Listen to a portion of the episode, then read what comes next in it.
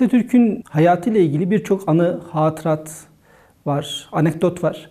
Ancak bunlardan seçilebilecek birkaçını ve burada dile getirebileceğim birkaçını söylemek isterim. Bunlardan ilki bu 10 Kasım'larda sürekli söylenen benim behemal yüzümü görmek değil, fikirlerimi, duygularımı ve düşüncelerimi anlıyorsanız ve biliyorsanız o zaman benim yüzümü görmüş olursunuz sözünün ne zaman gerçekleştiğini söylemek isterim ilk önce. Atatürk 1929 senesinde bir rahatsızlığı oluyor. Daha evvelden notu hazırlarken de ağır çalışma temposu nedeniyle zaman zaman böyle rahatsızlıklarla ilgili haberler çıkmıştı. Kendisi de rahatsızlanmıştı. 1929'da hakikaten elden ayaktan düştüğüne dair bir haber ortaya çıkınca halk merak ediyor ve 1929'da Ağustos ayında Fethi Okyar'ın evine ziyarete gittiğinde halk e, Atatürk'ü görmek istiyor. Ve o kadar büyük bir kalabalık Atatürk'ü görmek istiyor ki Atatürk onlarla konuşmak için e, konağın kapısına geliyor ve diyor işte bu sözü söylüyor.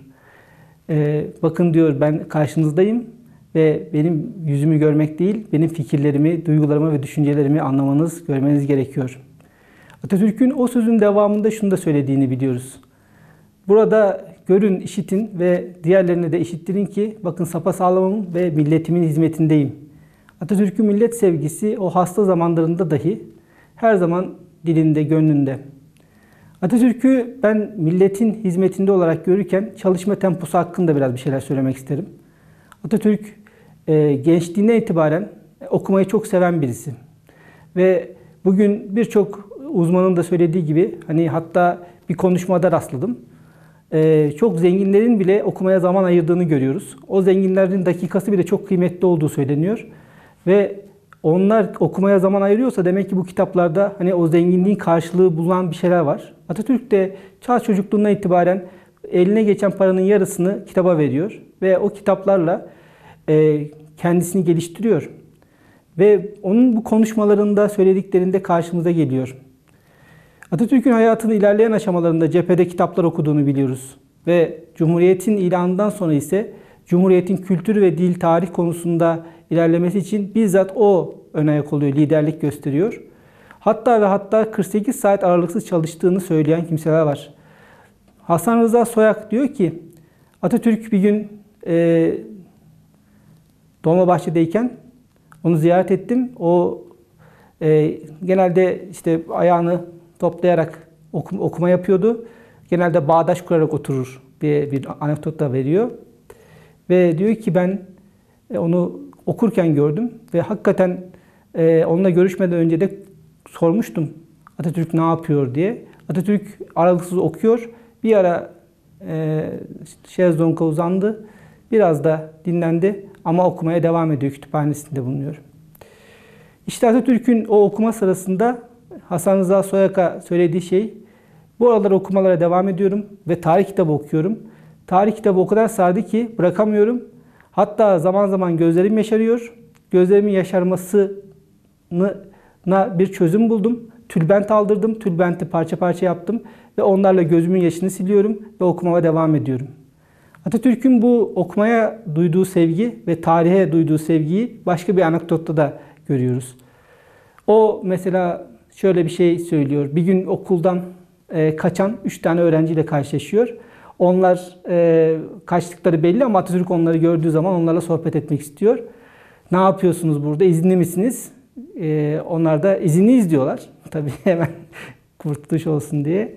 O zaman izin kağıdınız nerede diye sorduğunda tabii ki bir tanesi e, doğruyu söylüyor. Biz izin almadık, kaçtık. Peki neden kaçtınız? Tarih dersinden kaçtık diyorlar. Peki tarih dersini niçin bu kadar sevmiyorsunuz? Niye kaçmak istediniz? Tarih dersi bize çok yabancı ve çoğu dili anlamıyoruz diyor. Ve onlara söylediği cevap şu.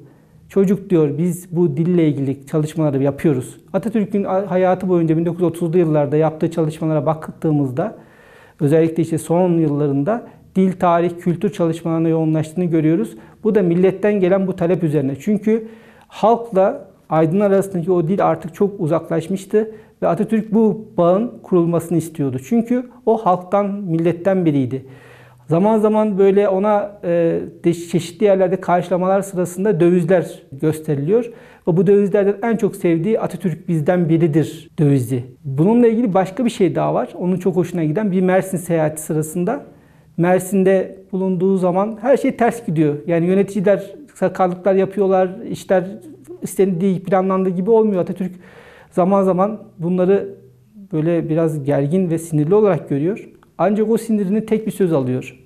O zamanın Reşat, e, Reş- Reşit Galibi, o zamanın Mersin'deki doktor Reşit Galip bir konuşma yapmak istiyor. Konuşmasına da gerek yok zaten. Biraz canı sıkılmış. Gerek yok ne konuşması diyor. Ama ısrar ediliyor ve sonunda bir konuşma yapıyor Reşit Galip. Ve Reşit Galip diyor ki sizin en ne kadar büyük bir insan olduğunuzu şuradan biliyoruz. Siz her zaman bu milletin bir ferdi olduğunuzu söylüyorsunuz ve bu milletin ferdi olmakla övünüyorsunuz. İşte sizin büyüklüğünüz buradadır.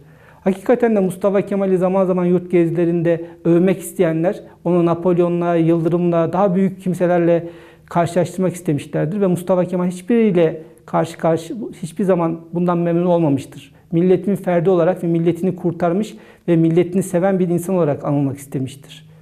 Ve bunu da her yolla yapmaya çalışmıştır. Zaman zaman cephede savaşmıştır. O savaşın nedeni milletin kurtarılmasıdır. Zaman zaman okullarda bir nefer gibi, bir e, bir öğretmen gibi adeta bu milletin cahillikle mücadelesine destek vermek istemiştir. Öte yandan baktığımızda kitaplar yazarak ya da efendim yeni terminolojik yani yeni terimler ortaya koyarak halkın yabancı kelimelerle boğuşmasına engel olarak halkı doğrudan bilgiyle bilimle bütünleştirmiştir. Atatürk'ün işte bu ölüm yıl dönümünde söylememiz gereken belki de şudur. Atatürk'ün son okuduğu kitap Belleten'dir. Belleten'i niçin okuyor? Afet İnan'dan onu söylemek isterim.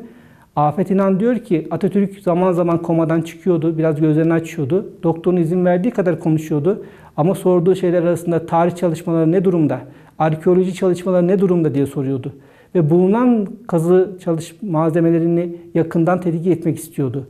Ve elindeki son kitapta Belleten dergisinin 5. 6. cildidir ki Türk Tarih Kurumu'nun bir yayınıdır bu.